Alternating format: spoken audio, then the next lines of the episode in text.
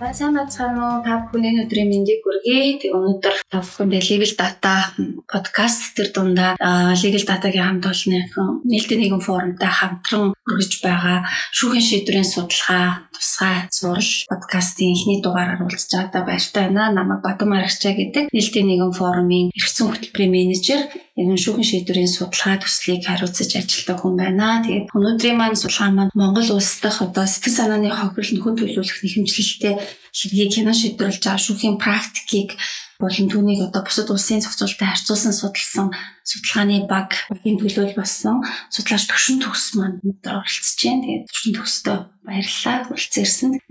Та бүхэнд баярлалаа. Бүгдний өдөр мэнд хүргэе. За би бас подкасттай холбоотойгоор товчхон бас та бүхэнд энэ судалгааны төслийн талаар танилцуулъя гэж бодсон юм аа. Нээлттэй нэгэн форум 2018 оноос эхлээд шүүхийн шийдвэрийн судалгаа нийт тэтгэлэг хөтөлбөр хэрэгжүүлээд явж байна. Энэ хугацаанд өнгөрсөн одоо 4 жилийн хугацаанд бид нар 50 гаруй одоо шүүхийн шийдвэрийн судалгаа бол дэмжиж ажилласан байна. Үүнээс одоо бид нар 11 суурлаар судалгааны ажлуудыг олон нийтэд нийтэлж хүргээд ингээд ажиллаад явж байна. За тэгэхээр өнөөдрийн энэ судалгааны ажил маань манай нээлттэй нэгэн форумс эрхлэн гаргасан шүүхийн шийдвэр судалгаа цувралын дөрөвдүгээр цувралд орсон судалгаа маань 2020 онд хийгдсэн. Би ч одоо цувралд маань 2022 оны одоо эхний хаст нийтлэгдсэн одоо зарим хүмүүс бол уушаа танилцсан, аль хэдийн танилцсан байгаа гэж бодож байна. Тэгэхээр бас Монгол бас эрх зүйн орчинд нэлээд тийм шинэлэг зохицуулалтууд практик шүүхийн практикт бас нэлээд идэвхтэй эрчтэйгээр орж ирж байгаа нэг шинэ практикийг танилцуулах байгаа. Тэгэхээр судалгааны багт маань төвшин төгс ахлагчтай ган хүрэл золцол хам цэрэн гэсэн судлаач нар бол ажилласан байна. Тэгээд Монгол улсын практикийг Герман болон Япон улсын практиктай бас харьцуулж үзснээр юм онцлогтой ийм судалгаа болсон юм байна. Энэ судалгааг бол манай Цайхан доктор багш одоо шүүмж бичиж боловсронгуй болоход дэмжлэг үзүүлсэн бөгөөд ухаан одоо тайлан нийтлсэн энэ дугаарыг маань манай редакцийн зөвлөлийн гишүүн судлаач бэлгүүн болоос үзэж комент өгч ажилласан ийм судалгаа байна. За судалгаатай холбоотой бол төвч танилцуулга юм байна. Тэгэхээр зурж ирсэн зочноос гол асуулт руугаа орё гэж бодож байна. Тэгэхээр эхний асуулт бол ерөөсөө бас хүмүүс сонирн байж магадгүй. Яг сэтгэл санааны хохирлоо эргэж өрн хэр их хэмжилж шүүгүүд ханддгийн шүүхийн практикийн хувьд одоо хэр нийтлэг байдгийг энэ талаас нь бид нарт ойлголт өгч гэж байна. За иргэдийн хувьд бол энэ сэтгэл санааны хохирлыг хэмжилж байгаа тохиолдол аягүй их байдаг. Ер нь бол яг яг дээж уус гаргаж байгаа ч гэх юм уу шүүхийн зүйлс гаргаж байгаа шүүхийн сургалт судалгааны төвс гаргаж байгаас яг энэ тоон судалгаанаас харах юм бол ихэнхдээ бол нөгөө бусдын нэр төр алдар хүнд ажлын нэр хүндтэй холбоотойгоор өчөж байгаа сэтгэл санааны хохирлыг хэмжилж байгаа гэдэг дээр л статистик тоо гарч байгаа. А бусдаар бол яг эрүүгийн хэрэг дээр ч гэх юм уу яг иргэний иргэн нийт хэргийг бусад хэрэг дээр сэтгэл санааны хохирол гаргаж байгаа юу гэдэг дээр бол ерөөсөө тийм тоон баримт гараагүй. Бидний бол судалгаа хийж байгаа үед бол яг юу гэдэг гурван хөдлөөс ер нь бол нийт иргэний эрүү дээр бол яг тухайлан тэгж сэтгэл санааны хохирол яг үе эзэлж байна гэдэг дээр бол тоон судалгаа гараагүйсэн. За иргэдээр бол яг яагаад энийг нэхэмжлэх болж ийн ер нь сэтгэл санааны хохирлыг нэхэмжлэх шаардлага өөрөө юу юм бэ гэхээр хамгийн гол асуудал нь бодит хохирол өөр явчихж байгаа шүү дээ. Иргэн тайлбар гэмт хэрэгээс ч юм уу гэрээний үргийн зөрчлөөс ч гэдэг юм уу эсвэл бусад зөрчлөөс ч гэдэг юм уу Тэр нөгөө учирсан хохирол нь өөрөө яг нөгөө тухайн хохирол авь их байгаад байдаг. А гэтэл яг манайх бол өөрөө бодит хохирол нь юу гардаг вөхөр ер нь бол цаа жишээлбэл тухайн амь нас одоо хохирлоо гэж батхад бол оршуулгын зардалч гэдэг юм тийм. За хүүхдүүд дээр тэтгэмж гэдэг юм уу иймэрхүү зүйл гарч байгаа. А гэтэл цаана яг үлдчихэж байгаа гэр дээр нь өөр байдлаар одоо хохирол юм үлдэхүү гаргуулж чадах гэдэг асуудал байхгүй учраас ихэнх тохиолдолд ингээд яг эрүүгийн хэрэг төр ялангуяа бол сэтгэл санааны хохирлыг гаргуулъя гэдэг байдлаар гаргадаг. За тэгвэл практикаас харахад бол шүүгийн шийдвэрийн судлаад үзэхэд юу харагддаг вэ гэхээр яг сэтгэл санааны хохирлыг хэдэн төгрөг хэмжилж байгаа нь яг ямар шалтгааны улмаас те яг ийм төгрөгийн мөнгө болоод байгаа юм бэ? Ямар тооцоолоор бодож гаргасан юм бэ гэдэг дээр бол тайлбар өгч чаддаггүй. Ихэнхдээ ер нь бол яг нэг одоо толгойд бодолтойгоо гэх юм уу тэр тоогоол хэлээ сэтгэл санааны хохирол нь хэмжлээ гэдэг үгээр гаргадаг. А ер нь сэтгэл санааны хохирол гэж юу юм бэ гэдэг асуудал яригдаад байгаа. Энэ бол өөр бас нэг асуудал. Хохирлоос яг юу ялгаатай ингээд. Тэгэхээр нэг ялгаатай асуудал бол энэ илүүтэйгээр хүний нөгөө сэтгцийн эрүүл мэндийн асуудлыг хүнддэг юм хөрсийн асуудал. Тэр нь юу гэхээр одоо юу гэдгийг тухайн асуудлаас болоод гэдэг юм уу бусдын хууль бус үйлдэлээс болоод нэр төр алдар хүндээ хуртаанд онцлууллаа гэж бодоход нөгөө хүн чинь юу гэдэг олон нийтийн газар явгаас ичдэг ч юм уу тий эсвэл олон нийтийн газар дахиж явгаасаа санаа зовдөг тийм байдал орохыг хүсэх болдог ч юм уу тэр нь даамжаад нөгөө нэг тэр айц төгшүүрийг бий болгож байгаа бол энэ өөрөө сэтгэл санааны хохирлын хэлбэр болж явж идэг. За нөгөө талаар бас хамгийн их тохиолддог одоо практик дээр гарч байгаа кейсүүл өөрөө бага насны хүүхдийн нөгөө бэлгийн алч хөдөл эсрэг гэмт хэрэгтэй гадаг. Энэ дээр бол одоо Солонгос улсад кейсүүд маш их байдаг. Эмтэй хийсэн кинонууд ч их байдаг. Бага насны хүүхд бол илүү тэрнээс нөгөө сэтгэл санааны шок гэдэг юм явдаг учраас олон нийтэд өөрийгөө илэрхийлэхдээ эрэгтэй хүнээс айх ч тийм үү тэгээ хаалга гэдэг хүчтэй хаагдах ийм чимээнээс айх ч тийм үү энэ байдлаар өөр маш их байдлаар ийм зэрүүл мэндүүлэх асуудалд ордог. Энэ зэргээр бол энэ сэтгэл санааны хохирлтыг бол өөр хэлбэржиж ингэж одоо биежиж шүүхт бол яг энэ байдлаараа бол хохирлыг харуулах байна. Монгол улсын шүүхэд одоо яг энэ хэрэг маргааныг авч үзэхдээ одоо хэрэг маргааны хянан шийдвэрлэхэд нь их тулгамдж байгаа асуудал нь юу вэ? Яг одоо энэ хилээд байгаа бид нарын энэ сэтгэл санааны хохирол гэдгийг одоо тодорхойлж байгаа тийм хууль эрх зүйднээс тодорхойлсон зүйлс байдаг юм уу? А ямар баримт бичиг юунд тулгуурлаж энэ сэтгэл санааны хохирол мөн байна биш байна гэдгийг үнэлдэг. Тэгээ дээрэс нь нөгөө хурлын хэмжээг нь тоолч гэдэг юм уу? Ер нь одоо шүүхийн зүгээс энийг шийдвэрлэхэд одоо ямар сорилтууд тулгардаг юм бол ямар бэрхшээлүүд байна одоо асуудлууд те проблемдас байна гэх судалгааны үндсэн дээр бас гаргаж ирсэн баг те. Тэгээ ер нь бас нөхцөл байдал ямар байна? За ямар ч хэсэг одоо юу гэдэг юм материалын хэм хэмжээний талд гэх юм уу те яг манай Монгол улсын хууль эрх зүйн орчны хувьд гэвэл нэгдүгээр асуудал.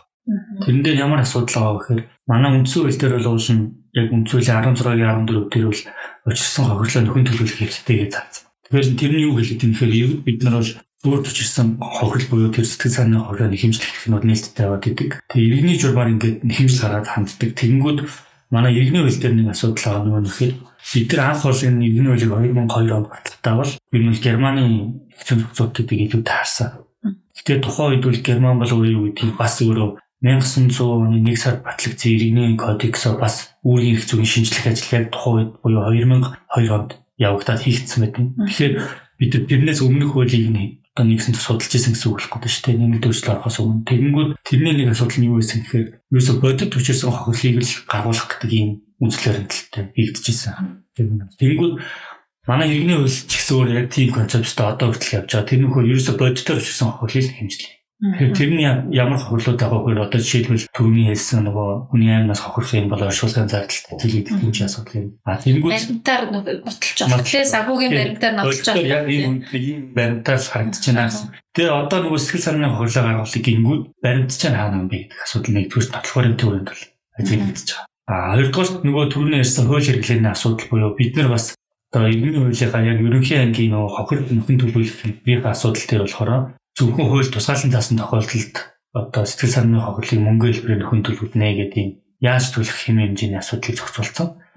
Тэгээд хоошоогоо нөгөө яг шаардлагын зохицуулт руугаа орохоор 511 дугаар зүйл дээр бол зөвхөн бусдын нэр төр алтар хүнд ажлын нэр үндийн тухай бүлтэн болохоор бусдаа бусад нөгөө бусдын аймнаас хохирдог ч гэдэг юм уу а бусад байдлаар одоо биеийн халдшгүй хөдөлгөөний гэмт хийгдэж ч гэдэг юм уу яаж гарах юм бэ асуудал хурдад үүдсэн байж байгаа. Тэгэхээр энэс шалтгаалаад нөгөө хууль хэрэглээний асуудалтай байгаа учраас ихэнхдээ бидний сонгож авсан юм судалгаанд авсан кейсүүд бол дээд шүүхийн шийдвэрүүд байдаг.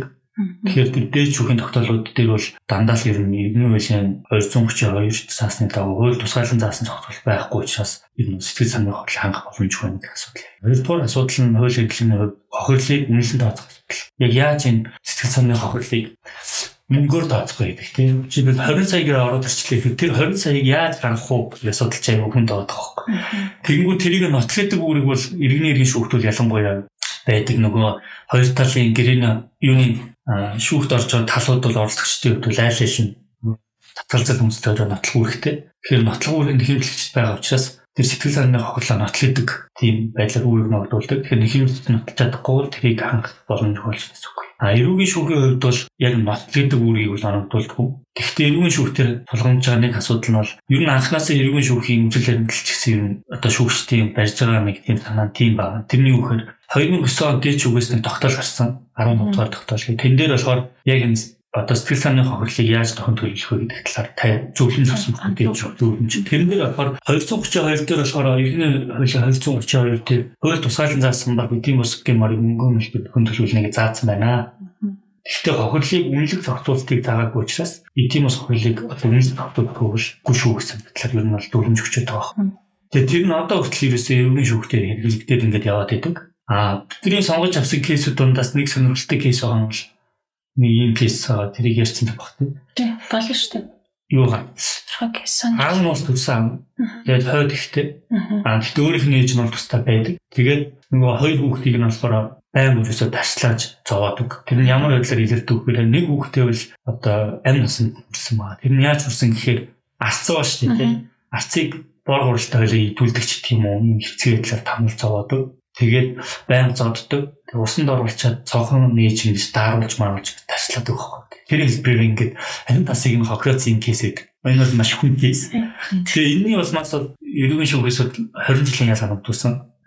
Тэгээд өөрийнх нь төрсөн их нь бол энэ яг сэтгэл зааны хохирол хэмжилсэн байхгүй. Тэгээд анхан болон давхан шүүх бол сэтгэл зааны хохирлыг хандаг.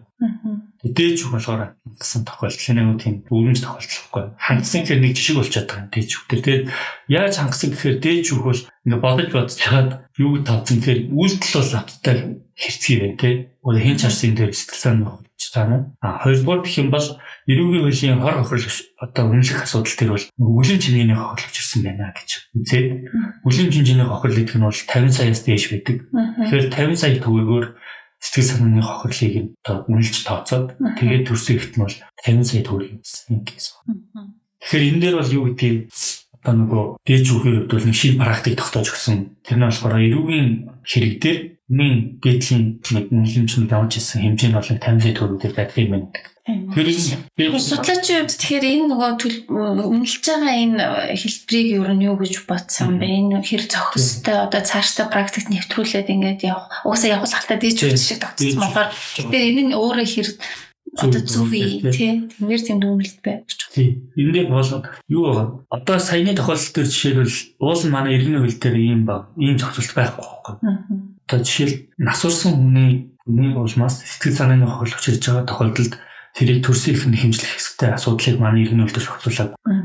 Тэр хэдийл Германы иргэний хөл дээр 2017 онд л энэ зохицуулт орсон байл. Нэг төвчлөлтөөр тэрний юу гэж нэхэхээр 3 дахь читгэд төжилсэн сэтгэл санааны хохирлыг хэрхэн нөхөй төлөвлөх вэ гэдэг асуудлыг Германы иргэний хөл 844 3 гэдэг зал дээр зааж өгсөн. Тэрэнд 3 дахь читгэдэг тэрнийг орох гэхээр эхнэр нь орж байгаа, нөхөр нь орж байгаа, эцэг хүүхдүүд нь орж байгаа. Тэгээд хүнтэй амьдрч орж байгаа.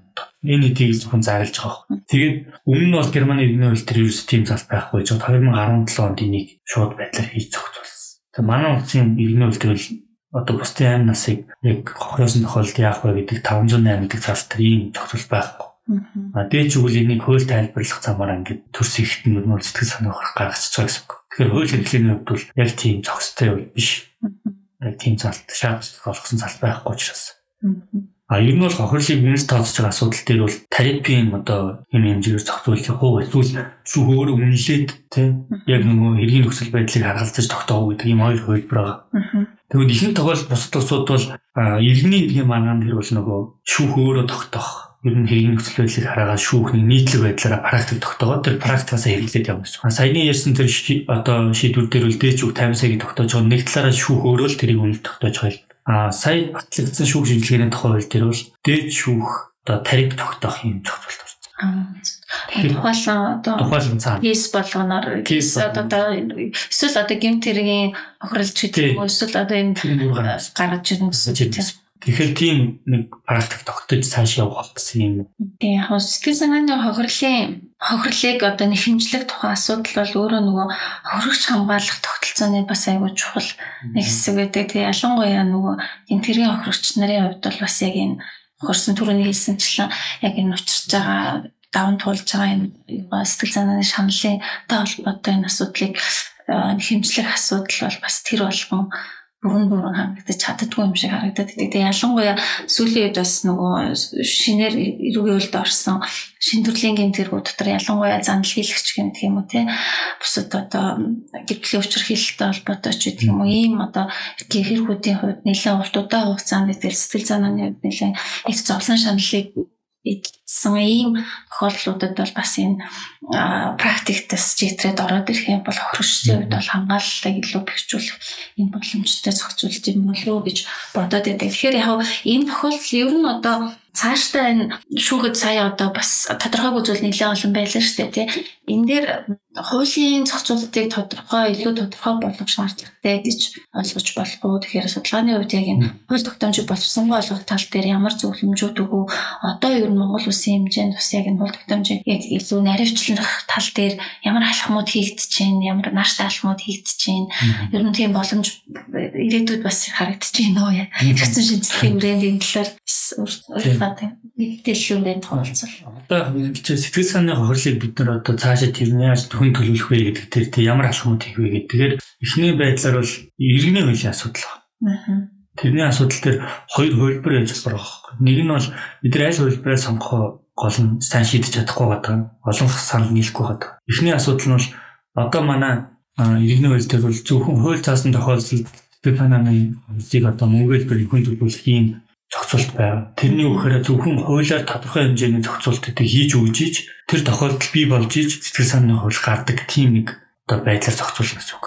Тэхийн тулд бид нар 232 гэдэг залтыг хэвээр нь үлдээгээд 230-ийн 3 дээр ч юм уу одоо герман шиг байдлаар хийх юм яах юм. Ер нь бол тэр нөгөө эдийн бус яг хууль тусгаалan зааж байгаа зөрчигдөж байгаа эрх ашиг сонирхлоор нь нэг нь өргөдгөж тавина гэсэн үг. Германд бол жишээлбэл одоо аймнаас хэрүүлмэнд бусдын эрхчлөө бэлгийн бэлгийн харц байдлын эсрэг гэсэн ийм ер нь тохиолдлуудыг тусгаалan цогцуулаад тавьсан байна.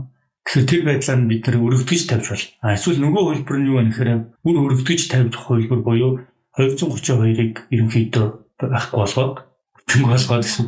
Тэгээд тусгай ангид заасан 511 гэдэг юм уу эсвэл 497 гэдэг заалтаа сайжруулж өргөжүүлж зааж өгөх шаардлагатай. Ийм хоёр үг байгаа. Аа, үнэлэг тогтвортой хувьд бол мэдээч хэрэг иргэний хэрэгтэн тогтолцоотой гэх юм уу яг манай одоо энэ эдийн засгийн нөхөн төлөвлөж байгаа бус тусуудын жишгийг харах юм бол бид нар бол одоо тариф тогтоох эсвэл шүүх өөрөө тэрийг одоо нөхцөл байдлыг хэрэг нөхцөл байдлыг үнэлээ тогтоох гэсэн ийм хоёр хөлбөр айл нэгийг сонгох шаардлагатай болж байна. А яг шилжилтийн үе дээр бид явж байгаа учраас ер нь бол ажил тарифыг тогтоож явж байгаа.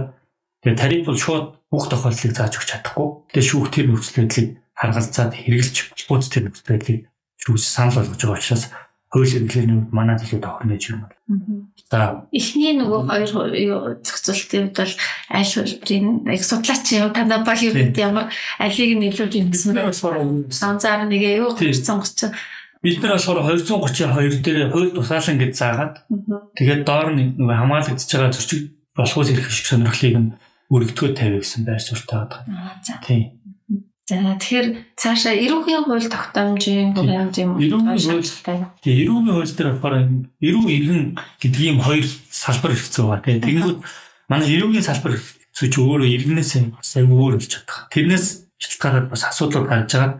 Нэгдүгээр гэх юм бол манай эрүүгийн хууль дээр хохирол нөхөн төлөвлөх зохицол байдаг байхгүй. Юусе байхгүй шаардлагын зохицол. Тэр нь хаана байдаг вэ гэхээр нөгөө эрүүгийн хэргийн шийдвэрлэх тухай процесс хууль дээр 45 дахь бүлэг дээр нөрөөд ирсэн. Тэгээд тэр зохицуултыг нь малгай зохицуултыг буюу яг үндсэн тэр бүлгийн зохицуултыг харахаар бол шууд утгаараа бол гимтрийг болмос учирсан сэтгэл санааны хохирол гэж бичигдээгүй. Анхны бичиглэл нь бол ер нь бол энэ нөгөө төрийн байгууллага тий албан хаагч тушаалтан прокурор мөдөн байцаагчийн буруутай үйл ажиллагаанаас учирсан сэтгэл санааны хохирлын асуудлыг бичсэн байгаа байхгүй. Тэгэхдээ яг бид нар бол нөгөө яг шүүхийн бараг гэхдээ болохоор 45 дөрөв гэдэг заалтаар нь хэрэглээл гэмтрийг бол учирсан хохирлын асуудлыг шийдээд яваад байгаа. Тэгэнгүүт сая бид нар бас шүүх шинжилгээний дээр суугаад ингээд ярилцж байхад ямар асуудал гарсан гэхээр манай хуулийн хоорондын зөрчилдөөний асуудал гарч байгаа. Тэрний үхээр одоо эрүүгийн хууль дээр бол сэтгэл санааны хохирол гэдгийг л сэтгцэд учирсан хор уршиг гэдэг үгээр томьёолцсон. Тэгээ хор уршиг гэдэг чинь одоо иргэний эрхцүүд дотроо бол тийм үг байхгүй байхгүй тийм нэр том юм. Иргэн дээр гим хор гэдэг үгээр орцсон. Тэгэхээр одоо нөгөө шүүх шинжилгээний тухай хууль чи эрүүгийн хууль хуулиудаа эрүүгийн одоо хуультай холбогдож юм хийгдэж байгаа. Эрүүгийн гэмтэрхтэй холбоотой юм хийгдэж байгаа шүү дээ. Ер нь бол юм. Тэгэхээр эрүүгийн хуулиад дагчхаа нөгөө иргэний хууль дагаж явж байгаа төсөл дээр нэмэлт өөрчлөлт оруулахаар нэр томьёоны зөрүүтэй асуудал үүсч гисэн. Энэс шалтгаалаад бас судлаачдын хооронд жоохон зөрчилдөөнүүд их гарсан. Гэтэ энийг бол яг хууль хэрэглээний явцад бол өөрсдөө тохиолдол явах боломжтой. А эрүүгийн хэрэгцүүдэр бол тэр 45 дахь бүлгийг бол ер нь шинжилж найруулж аль аль тохиолдолд яаж яаж харах уу гэдэг асуудлыг нь илүү наримжлал зааж өгч. За ер нь бол энэ сая хэд хэд удаа дурдлаа шүүхийн шинжилгээний хууль гэд ярьж байна. Тэгэхээр энэ хуулийн хувьд бас ажлын хэсэгт орж ажиллаж одоо энэ судалгаан дээр үндэслээд бас нэлээд тийм ресурс болж ажиллаж байгаагийн үед яг энэ хуулиар бид нарт одоо яг нэрхцэн орчны хувьд яг энэ ялангуяа сэтгэл санааны хөгжлийн хүндлүүлэгтэй холбоотой асуудал дээр бас тодорхой ахис твшил гарч чадж байгаа юу одоо нэмэлтээр одоо хуучин байснаасаа давуу даваатай ямар одоо орц зохицуултууд энэ лөө орж өгч байгаа бол тэрээс нийтэд мэдээлэл өгчүүл юм бол. Аа тийм энийг ягас өмнө болохоор би бас нэг төвшнэг манайх нэг стратеги юм хийж хийж байгаа. Тэгээ тэн дээр бас явж байгаа практик нь манайх гэдэг маань юу вэ? Энэ болохоор нээлттэй нэгэн форум хамтраад бид тэр манай хуулийн фирм. Хуулийн фирм. Хамтраад тэгээ сэтгэл санааны хуулийг нөхөн төлөвлөх гэсэн яг хохирол нөхөн төлөвлөх чиглэлээр нь бол стратеги мөнгөөр хийж байгаа. Тэгээд тэд хэдэн 2 3 тохиол кейс төр үл яг явсан. Тэгээд энэ дээр яг явж байхад бид нар юу ажилласан гэхээр бид нар өмнө бол онлайн үзэж байгаа. Ер нь хууль зүйн хэмжээний хувьд бол асуудал байгааг хараад судалгаа хийсэн байгаа. Тэгээд практик дээр явгод асуудал өөр болж ирсэн. Тэрний юу болж ирсэн кейс дээр ажиллаад ирэхээр тийм. Тэр нь юу болж ирсэн гэхээр хэм хэмжээний асуудлыг хууль хэрэгжлийн асуудлыг хөнтөхөөс өмнө иргэдийн хувьд сэтгэл санааны хохирлоо нөхөн төлөвлөхөөр ингээ шүүгт хандхад асуудлууд гарч ирдэг юм байна гэдгийг харлаа. Тэрний асуудал нь юу вэ гэхээр ерөөсөө ингээд эрүүгээр дээр жишээлбэл явж байхад сэтгэл санааны хохирлыг яаж бид нар одоо учирсан гэдгээ нотлох байдаг асуудал яригдсан. Тэгэнгүүт бид нар нөгөө шүүх шинжилгээний үндэсний хэрэглэлээр хандсан. Тэгээ хандангууд яг тэн дээр тусгай алба байхгүй. Тэгэхээр нөгөө сэтгцэн эрүүл мэндийн үндэсний төв рүү хандъя. Тэндээс шинжээж томилуулъя гэж шинжээж томилуулаад яг энэ хүн дэмгийн тэрийг бол бас одоо юу гэдгийг сэтгцийн төвшөр айцтай тийм байгаа мó гэдэг асуудал. Тэгээд тэрийг яаж тодорхойлж яах гэхээр ер нь одоо Англи Америкийн эрхцүүд улсууд ч гэсэн хэрэгэлдэг юм байна. ICD гэдэг одоо олон улсын өвчний 11 төр англи хэлгээ. Тэр англи дээр бол бүх өвчний английн одоо дугаарууд байна. Тэнгүүд одоо айх эцэг ч гэх юм уу тэр дугаараар үнэлгээ өгөөд тэгээд яг тэр одоо айс юм уу эцс юм уу ууралж заалах юм байна уу гэдэг асуудлыг бол томьёолоо гаргаад ирж байна. Тэгээ яг тэр асуудлаар бид нар одоо хандаад ингээд сэтгэл зүйн дүнсийн төв дээр очихоор эхний асуудал бол юу гэдэг вэ гэхээр нөгөө манай үйлчлүүлэгчид учирсан сэтгэл санааны хохирлыг дахиж сэтрэх юм асуудлууд гарч ирсэн. Бид нар тийм юм бол соёл тийм юм алга байгаа юм байна. Энэ одоо сэтгэл санааны хохирлыг яг нэг хүний гар угарсан, нэг хүний яг тэ хөл угарсантай адилтгаж ойлгохгүй байна.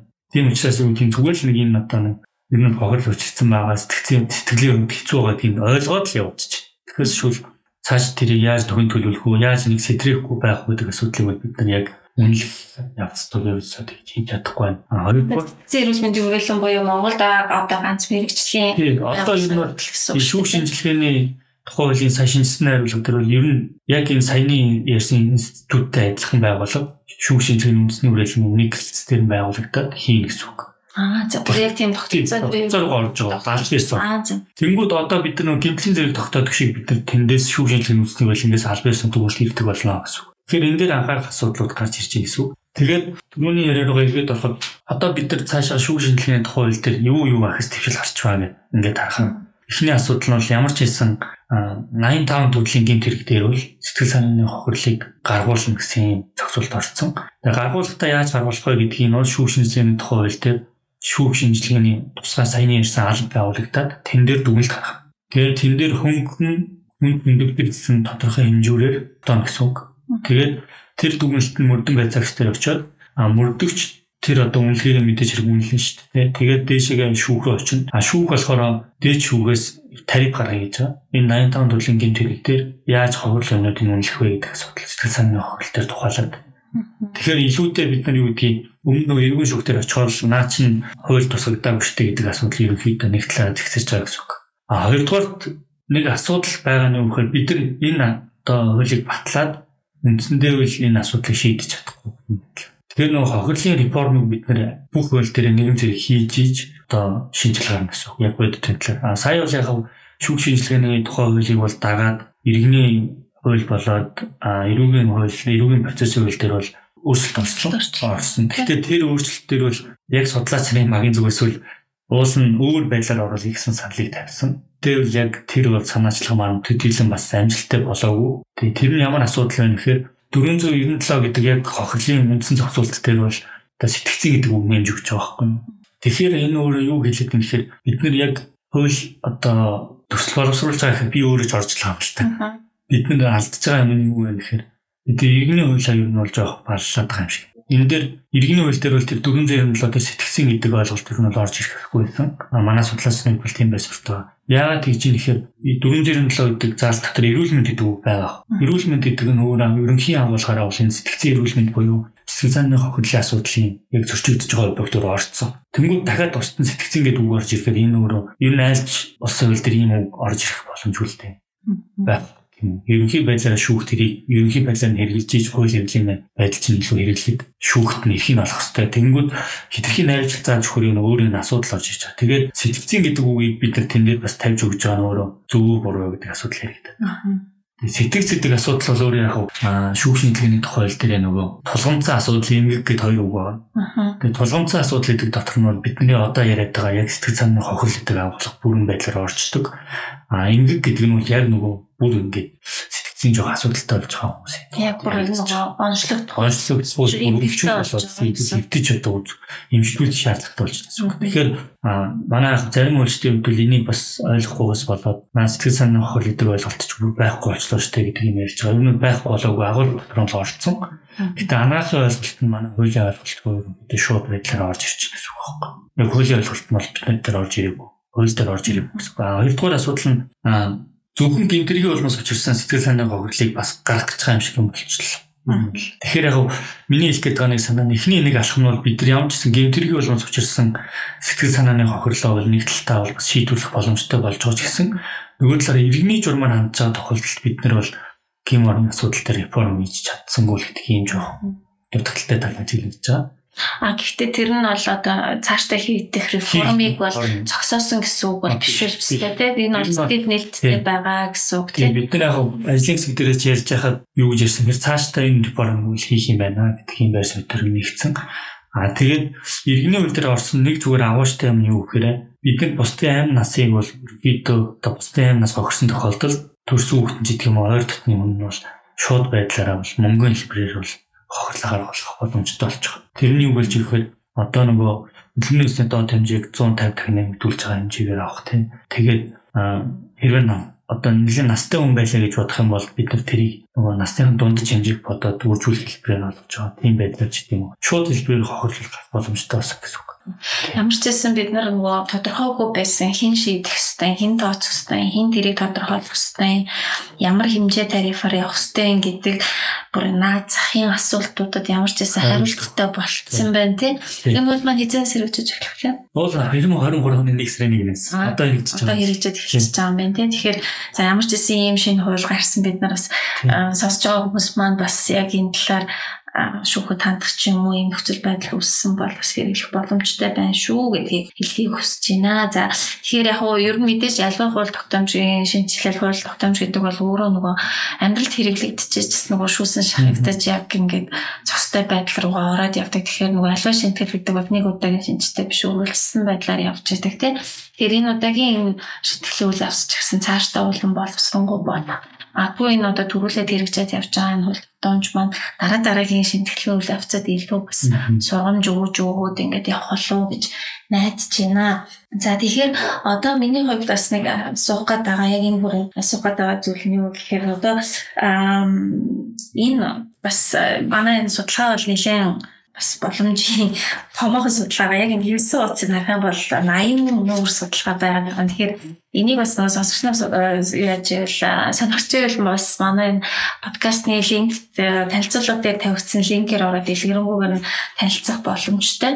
Тэгэхээр энэ нөгөө судалгаа руугаа эргээд ороход яг энэ судалгааны гол үндсэн дүгнэлт одоо асуудлыг одоо түрүү ярьсан олон асуудлууд бол зөвхөн судалгааны бас та бүхний өмнө хийсэн бусад одоо стратегийн өмгөөл зэрэг олон ажил дээр дүгнэлтэд ирж байгаа. Тэгэхээр яг энэ судалгаа руугаа эргээд ороход энэ судалгааны маань гол одоо яг энэ чиглэлийн шинжилгээний судалгааны бүрээнд оруулж ирж байгаа шинэлэг зүйл нь юу байна?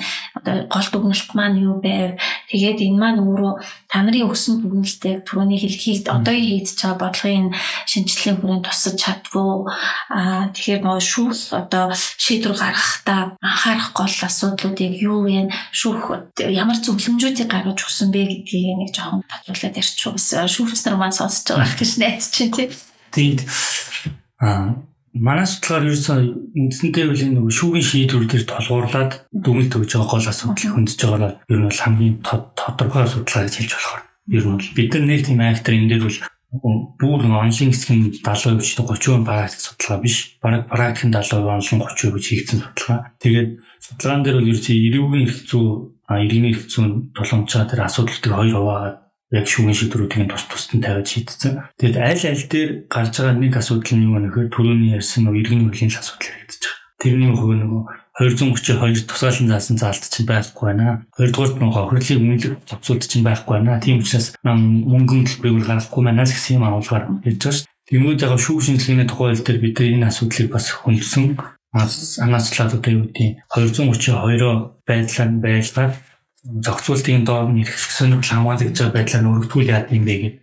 Тэгээ тэр бол төдийлэн сайн бас дэмжигдэж чадаагүй. Зүгээр нэг асуудал шийдэгдсэн бидний нэг харж байгаа юм юу гэхээр ямар ч юм бусдын аймнаас хохирсон тохиолдолд бол нэлээд тогтвол тусгаалсан байдлаараа бол 508 гэдэг залтаар бол орж чого шүүжилгээний тухай дагсан төслөө. Тэгэхээр энэ бол нөгөө хууль тусгаалan заасан гэдэг залтын нэг хэлбэр учраас шууд байдлаар хэрэглэдэг явчихсан үг. Тэр нөгөө бидний судалгаанд дурдсан асуудлын нэг нэг л асуудлын юм шийдэгдэж байгаа юм л та. Одоо дараагийн асуудлууд буюу нөгөө яг концепц байдлаараа нар яг реформ байдлаараа хийгдэхийн тулд иргэний хөндлөө дахиж нэг юм ор хэрэгцээ асуудлыг нь тойрч харах шаардлагатай болж байна. Бусад өмнө яг хийгдэжсэн судалгаануудыг бид нар бас судлагдсан байдал дээр бол харж исэн. Тэн дээр бол ихэнхдээ манай өмнө хийжсэн судалгаанд бол ихэнхдээ онлайн байдлуудыг бичдэг тийм яг ийм ийм учраас ийм байгаамаа гэж А манай яг одоо хийгдсэн судалгаа нь бол яг бодит кейс дээр тулгуурлаж дүгнэлт хийгдсэн судалгаа гэдгээр бол яг шүүхийн практик судалгаа гэж хэлж байна. Тэгээд манай кейсүүд бол зүгээр агааш шатны шүүхийн шийдвэрүүд биш ихэнхдээ дандаа гурван шатны шүүхийн шийдвэрүүд байгаа учраас илүү нөгөө практик тогтоо цааш хэрэглэгдэх боломжтой кейсүүд байна үг. Тэгэхээр бусад хүмүүс бас уншаад ижил төстэй тохиолдлууд байвал хараад туршлагыг харах боломжтой. За баярлалаа. Энд шүүхийн шийдвэр нэгэн судалжаад эдгээрсэн шүүхийн шийдвэрийг илүү боловсронгуй болгох чанарыг дэвшлүүлэхэд манай энэ бүх судалгаанууд маань хувь нэмрээ оруулаасаа гэж бодож байгаа. Судлаачийн хувьд яг энэ судалгаа хийж байгаа явцад нөгөө шийдвэр уншиж байгаа шийдвэр шийдвэрүүдийн бичигдсэн байдал дээр ер нь ямар сэтгэл төрж исэн бэ? Зүгээр бас нэг сонирхолтой. Ч магадгүй судлаа гүнлэнгөөс ингээд анализ хийхэд хэр одоо оновчтой зөв бичигдэж хуулийн шаардлага хангасан байдлаар бичигдсэн байсан бол зөв нэг давчхан тэрэн дээр дөрөвдөө. Энэ нөгөө яг иргэн ирүү ирч өөр бичигдэж байгаа шүү дээ. Тэгээ би миний хувьд ирүүгийн бичиглэлийг бол аюул тийм дагталтай бичиглэлтэй гэж хардаг. Тэрний хүн манай ирүүгийн яг шүүгийн шийдвэрийн бичиглэл байдал дээр бол үндэслэг гэж байх тодорхойлох гэдэг шүү. Тэгээ тодорхойлох гэхээр нөгөө нэг тийм гэрчийн мэдүүлэг дээр ингэж тусгав, ийм гэрчээр ингэж тусгав, ийм үйл баримтад ийм юмнууд гэж бичээд байдаг. Шинжилсэн зүйлтэй юм тийм. Яг нөгөө бид нар ярьдаг нөө совсонц хийгээл энэ дээр яг онлайн аргалгаа гаргаад ийм учраас эрүүгийн шүүх ийм одоо ялыг оногдуулаад ийм байдлаар хохирол харуулсан асуудлыг шийдлээ шүү гэдгийг юу ч хэлдэггүй. Баах нэг гэрчийн мэдүүлэг юм бичээлээ язаа тэр нь аюул олон утас идэг тийм 20 30 утас явж явж ирсэн хамгийн сүүлд нь тогтоох хэсэг дээр ийм ял хамтуулгаа ингээс аюул хийж хэлдэг. А иргэний шүүхтэр бол бол иргэний шүүх яг одоо болсон процессын хувьд бичиж байгаа тийм яг ингээд оролцогч хариуцагч нэг юм бичигдээ. Тэгээ үндэслэх хэсэг дээр бол би ихэнхдээ нэг юм драфт тийм бичигдэх юм шиг надад харагддаг. Тэрний үед өгөхөөр За ийм толгойд ийм харилцаа үүссэн байна. Тэгээ энийг ингээд хангах хүнсэлтэй байна. Яа тэгэхээр нэг юм байна л гэсэн юм бичээд байгаа байхгүй. Гэтэл яг энэ хууль хэрэглээний асуудлыг бид нар одоо 232-ыг жишээлбэл төсөөтэй иргэн шүгтэд борлуу болохгүй юу? А амнаас хохирлоо гэхэд бид нар аль хуулийг яаж хэрэглэхүүд хэрэглээний асуудлыг өсөж гэж цаасан зааж өгдөг. Ерөнхий байдлаар л нэг бичээд өгдөг. Тийм учраас шүүгчнэрийн хувьд энэ шүүгийн шийдвэр дээр л энэ дээр илүү анхаарч бичих юм бол зөв баг одоо шинэ хуулийн хууль эрх зүйн орчин бас өөрчлөгдсөн байна. Тэгээ энэтэй холбогдуулаад бас шүүхэд юу та бүхэнд одоо шүүхэд шүүгч нарт хандаад хууль хэрэглээ талаас анхаарал зохих одоо тийм зөвлөмж байдлаар өгсөн юм байна. Бид нар бол юун дээр бичсэн байгаа нь шүүгийн шийдвэр дүүн шинжилгээ хийх дээр байл. Юу гэсэн гэхээр Эрүүгийн шүүх болохоор ингээд хамтдаа 230 иргэний үеийн 232-т хууль тусгаалan заасан тохиолдолд эдийн засгийн морин нөхөн төлөвлөнөгээ заацсан. Тэгэхээр тийм учраас хууль тусгаалan заад иргэний үйл дээр байхгүй учраас одоо юу гэдэг бас тийм амнаас хөргөнж тийм үү те бэлгийн алч байдлын эсрэг хэмжээнд бэрнэс сэтгэл санааны хууль дарах боломжгүй гэдэг. Манай нөгөө эрүүгийн процессын хууль дээр чинь 45 дахь бүлэг дээр нь тодорхой заасан баг гэмтэрэг болон сочирсан сэтгэл сэтгэл санаа үүдлийн хөндлөлтний. Тэнгүүд хууль тусгаална гэдгийг бид тайлбарлах шаар боломжтой байна гэсэн би харж байгаа манай судлаачдын зүгээс ч гэсэн. Юу гэж харж байгаа нөхөр 232-ыг эрүүгийн процессын хуулийн 4054-тэй хамтдагч хэрэглээ сэтгэл санаа хохирлыг хэрэглэх боломжтой. Огт боломжгүй зүйл биш. Хоёрдугаар үнэлэх зохицуулт байхгүй гэж ингэж яриад байдаг. Гэтэл манай иргэний хуулийн бас 229 2 дээр үнэлэх нь бичигдсэн байгаа. Тэрний үгээр иргэний нөхцөл байдал байдал тэгээд гим орчуулагчийн одоо гим буруугийн нөхцөл байдал тэрийг харгалзаад хөдлийн цэргийг тогтооно гэж байна. Тэр үеийн эрүүгийн хуулийн хохирлоор өвшгийн хэсэг дээр ч гэсэн шүүх одоо хохирлоор өвшгийг иргэний нөхцөлийг харгалзаад шүүх тогтооно гэдэг үг байгаа. Тэгэхээр шүүх бол хэрэглэх бүрэн боломжтой. А ер нь бол бид нар өнөөдөр асуудал яриад байгаа ч гэсэн шүүхэд хуулийг тайлбарлаад хэрэглэх боломжнууд нь нээлттэй байгаа гэсэн үг. А манай шүүгч нар бол яг хэрэглэх асуудал дээр бол угаасаа асуудалтай байцааш ирсэн. Тэгээ шүүгийн дүн шинжилгээ хийхэд ч гэсэн угаасаа шүүгч нар дандаа л манай шүүгийн шинжилгээ юм байхгүй гэж тэгдэг. Уул нь бид нар чинь цохоогоогүй юм бодит кейсийг авчаал тавьж байгаа шүү дээ. Тэгэнгүүт үгүй наа чи манай кейсэр л юм байх боломжгүй. Аа манай шүүх бол юм байхгүй гэж ингээд шүүхэн өмөрдөх хөхгүй. Тэгэхээр ер нь бол шүүхийн бодит байдал нь бол яг юм байгаа. Тэгэхээр хууль хэрэгслийн асуудал төр бол манай шүүгч нар ур чадварын хувьд нэмэгдэх цаашгүй шаардлага. Аа тэгээд бас манай энэ судалгааны тайлан уншаасаа манай дөрөвдүгээр зургалт бол яг санааны охиролтой холбоотой нэгээр тогтохгүй хоёр судалгаа нэлээд өргөн дэлгэрэнгүй судалгаанууд орсон байгаа болохоор бас яг энэ чиглэлээр хэрэг маргааш шийдвэрлэж байгаа. Магадгүй заах зөвхөн одоо шийдвэрлэж байгаа шүүгч нар биш бас энэ чиглэлийн хэрэг маргаанд өгүүлэгчээр оролцож байгаа, оролцож байгаа, сэлгчээр оролцож байгаа. Хуульчд маань ч гэсэн орж танилцсан бол бас сонирхолтой байх болов уу гэж бодож байна. Тэгээд хамгийн сүүлийн асуултыг би асуусан. Марин тэгээд саяхан өөрөө ч гэсэн бас хэллээ нөө судалгаа хийж үтсэн тий эхлээд бид нар нэлээд уран хүрээний сэтгэл санааны хөрлийн асуудлаар судалгаа хийгээд үзлээ. Араас нь дахиад шүүхэд өөрөө хандаад яг ингээд стратегийн өнгөл буюу нийт хэрэгш өнгөлгийн хүрээнд энэ кейс аваад явж үзлээ гэдэг туршлагатай хүний хувьд ер нь олон нийт иргэдийн хувьд яг энэ сэтгэл санааны хохирол учирсан гэж үзсэн тохиолдолд За яг хуу эрүүгийн журмаар одоо гиндрийн орхич болсон тохиолдол гэдэг бол тусдаа бас нэг нэг хариулт те. Дараа нь яг одоо сүүлийн үеэс ярьж байна л да нөгөө нэг аюух нөгөө social bully болон ингээд дээр хэлт одоо янз бүрийн bully тийм нөхцөл байдал үүсээ нэр төрөө сэргийлэх давхар сэтгэл санааны охирлоо хэмжлэн шүү бид нар гэл аюух Юу сошиал төрөлс бичсэн харагддаг болсон байна. Тэгэхээр ер нь одоо тэг хамтдээ гэж бодож байгаа тийм хүмүүс иргэдийн хувьд яг шүүхэд хандахдаа анхаарах ёстой асуудлууд нь юу байна? Одоо зөвлөө байцаар болцсон юм байна. Одоо манай иргэний шүүхийн хувьд ярьж байгаа шүү дээ. Тэнгүүд бид нар ч нөгөө бусдын нэр төр алдар өмд ч гэдэг юм уу. За ингээд олон тийм сошиал орчин дээр ингээд өөрийнхөө одоо нөгөө сэтгэл санаанд хавлуулчихлаа гэж үзэх юм бол яаж хандах вэ гэх асуудал гэж. Тэнгүүд Эхний ялцад бид нар бол нөгөө хэмжлэлээр гаргана шүү дээ. Тэнгүүд нэг хэмжилт чинь бидэд нөгөө нотлох баримтын шаардлагууд хангасан баримтууд хэрэгтэй болдог. Нөгөө эхний ялцанд бол ер нь бол одоо нөгөө сошиал орчин дээр яаж тэр хүнд бусад этгээдүүд халдсан тий тэр байдлаа бид мэдээж нотлох шаардлагатай. Тийм учраас тэр зүйлүүдээ скриншот хийх юм байдлаар өгнө. Тэгээ хоёрдугаар гэх юм бол яг сэтгэл санаанд учирсан хохирлыг нотлохын тулд шүүх дээр очиж ийж хэрэг үүснэ дараа л ажиллагаа эхлүүлэх ёстой гэсэн үг. Тэн дээр бол мэдээж хэрэг түрүү ярьсан. Одоо бол яг шүүх шинжилгээний үндэсний хүрээлэн дээр бол тусдаа тийм хилцс байгуулж байгаа. Тэр хилцсээр дамжуулаад өөрийнхөө нөгөө жирсэн сэтгэл санаа хорлыг үнэхээр тогтоох боломжтой болж гэсэн үг. Тэгэхээр нөгөө олон улсын өмчний ангиллаар тогтоож гарч ирнэ. Тэгээ тэрнээс л тараа тэр нь хөнгөн хүнд хүнд өдөр гарахаас хамаарат өөрийнхөө сэтгэл санаа хорлыг үнэлэх асуудал Угаасаа манай иргэний үеийн 510 дээр бол нөгөө бусдын нэрдэр алдар өмнөгийг гутаасан бол тэрнээс учирсан сэтгэл тоцлцааны хохлыг хэмжих боломжтой залтал байгаа учраас материалын хэмжээний хувьд асуудал гарахгүй гэсэн. Бусад тохиолдлын хувьд бол дахиад нэг асуудал гарч ирэх гэсэн үг. За дахиад нэг хохлын асуудал гарч ирнэ. Тэгэхээр энийг нөгөө жишг шийдвэрүүд юм хаах уу яах уу гэх асуудал гарч ирж байгаа. За тэгэхээр яг ямар ч гэсэн маань судалгаанд бол тодорхой хэмжээнд улсын дэд шүүгээс яг санааны хохирлыг шийдвэрлсэнтэй холбоотой хэд хэдэн шийдвэрүүдийг бас тусгаад оруулсан бас иргэд ч гэсэн тайлантай танилцаад ямар шийдвэрүүд өмнө гарч ирсэн бэ гэдгийг орж үзэх боломжтой. Гэтэ мэдээж иргэний журмаар одоо хохирсон өөрсдийнхөө өөртөө учирсан хохирлоо нөхөн төлөвлөхийн нэгний одоо эрхээ зөрчигдлөө гэж үзэх юм бол хандах эрх нь нээлттэй. Тэгэхээр мэдээж нэхэмжлэлт бол нөгөө ямар үйлдэл эсвэл тэр өөрийнх нь хувьд одоо тийм зовлон шаналлд үлээд одоо сэтгэл зүйн хувьд шанал үүсгэсэн бэ гэдгийг үйлдэлээ нотлох юм байна тий. Тэгээд тэндээс үүссэн ямар нэгэн хохирол байгаа гэдгийг бол ямар нэгэн байдлаар одоо баримтжуулж нотлох арга гарч ирж байгаа юм байна. Тэгээд шинээр батлагдсан шүүхийн шинжилгээний тухай хуулийг бас сонирхож үзэж болохоор яг эрүүгийн хуулийн эрүүгийн хэргийн хохирчдод илүү хамааралтай гэж үзэж байгаа юм байна. Тэгэхээр тэндэр бол иргэний журмаар явж байгаа хүмүүс хандаж одоо э, шинжээч нүгэл мүлд гаргуулах боломж байхгүй тийм. А иргэний журмаар гаргуулж болно.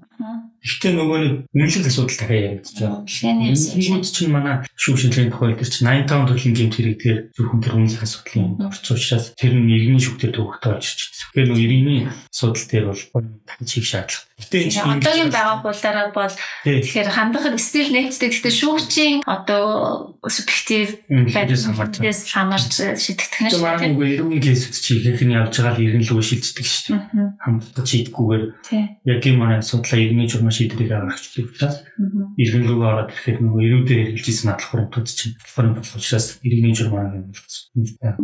За баярлалаа. Тэгэхээр та бүхэн маань бас өнөөдөр энэ сэтгэл санааны хохиролтой холбоотой асуудлаар хийсэн судалгаан дээр үндэслэн мэдээллийг өнөөдрийн битэрийн харилцан ярианаас хүлээж авсан байх гэж найдаж байна. Тэгээд төвшин төгс судлаачдаа маш их баярлалаа. Тэгээд зөвхөн судалгаа хийх биш яг энэ чиглэлээр бас нийт эрх ашигыг өмгөөлөх цаашлаад бас бодлогын шинжилгэлд нэмрээ оруулах зэрэгээр бас их сэтгэл зүтгэл гаргаж ажиллаж байгаа танай хамт олон танай судалгааны багийн баярлалаа гэж хэлмээр байна. Тэгээд цаашдынх нь ажил амжилт хүсье. За баярлалаа. Та бүхэнд баярлалаа. Манаас хүртэл дэмжиж бас санхүүжилж чадах баярлж байна. За ингээд цаашдаа бид оюуны нөөц төрөмс байгууллага Legal Data подкастын хамт олонтой хамтраад сурал байдлаар бэлтгэн хүрэхээр бэлдэж байна. Тэгээд та бидэнтэй хамт байгаарай.